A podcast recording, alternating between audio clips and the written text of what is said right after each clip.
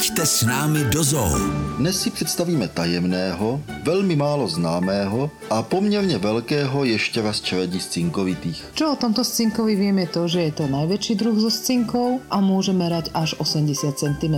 A matne si pamätám, že by to mal byť snad jediný stromový druh scinka, ale nie som si istá, či je to úplne správne. Určitě není jediným druhem stromového scinka, ale je nejdokonaleji přizpůsoben k životu na stromech. Jeho ocas tvoří dvě třetiny délky a podobně jako u chameleona nebo některých druhů opic je ten ocas chápavý, to znamená ovývý. A také díky tomu, že ten ocas cink šalomounský používá jako takovou pátou končetinu, za kterou se zavěšuje, ztratil u tohoto druhu ještěra ten ocas tu schopnost autotomie neboli odvržení, pokud si potřebuje cink zachránit život v případě ohrožení nepřítelem. Jeho domovom sú tropické dažďové lesy a v nich si oblúbil fíkovníky. Scink šalomónsky môže prospievať aj v nejakých čiastočne otvorených oblastiach alebo záhradách, ale to iba v takom prípade, že si tam nájde vhodné rastliny, ktoré mu poskytnú dostatok potravy. Je výhradný vegetarián a tým sa líši od ostatných druhov jašterov. Scink šalomounský sice vyniká oproti mnoha jiným ještěrům nápadně vysokou inteligencí, ale tato spojitost s králem Šalomounem není správná. Zde bychom také museli odbočit k takovému drobnému jazykovému okénku. Většinou se totiž v češtině říká král Šalamoun, ale možná správnější tvar je Šalomoun a odtud pochází i název Šalomounovy ostrovy a právě z těchto ostrovů tito scinkové pocházejí. Tento druh scinka je monogamný. Má veľmi zaujímavý rozmnožovací rituál. Samec sa začne približovať k samici a pohybuje pritom hlavou zo strany na stranu. Ako náhle je dostatočne blízko, začne ju hryzať od chvostu smerom ku krku, kde ju pevne uchopí a prichádza samotnému páreniu. Samica je gravidná zhruba 6 až 9 mesiacov. To je u tohoto scinka další nesmírně zajímavá věc. Zatímco mnoho ostatních druhů scinků i některých dalších druhů ještěrů je takzvaně vejcoživorodých, kdy rodí živá mláďata, tak scinkové šalomounští jsou skutečně živorodí a mláďata jsou v těle matky vyživována skutečnou placentou. Za pozornost stojí také nápadně obrovská velikost novorozených mláďat těchto scinků, kdy novorozený scink šalomounský měří 30 cm,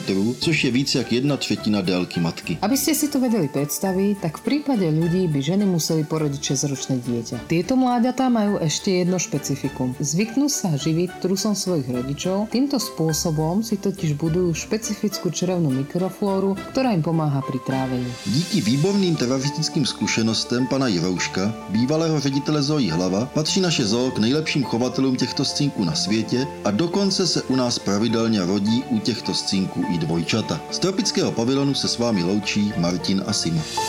Pojďte s námi do zoo každou neděli po 11. hodině. Český rozhlas Vysočina.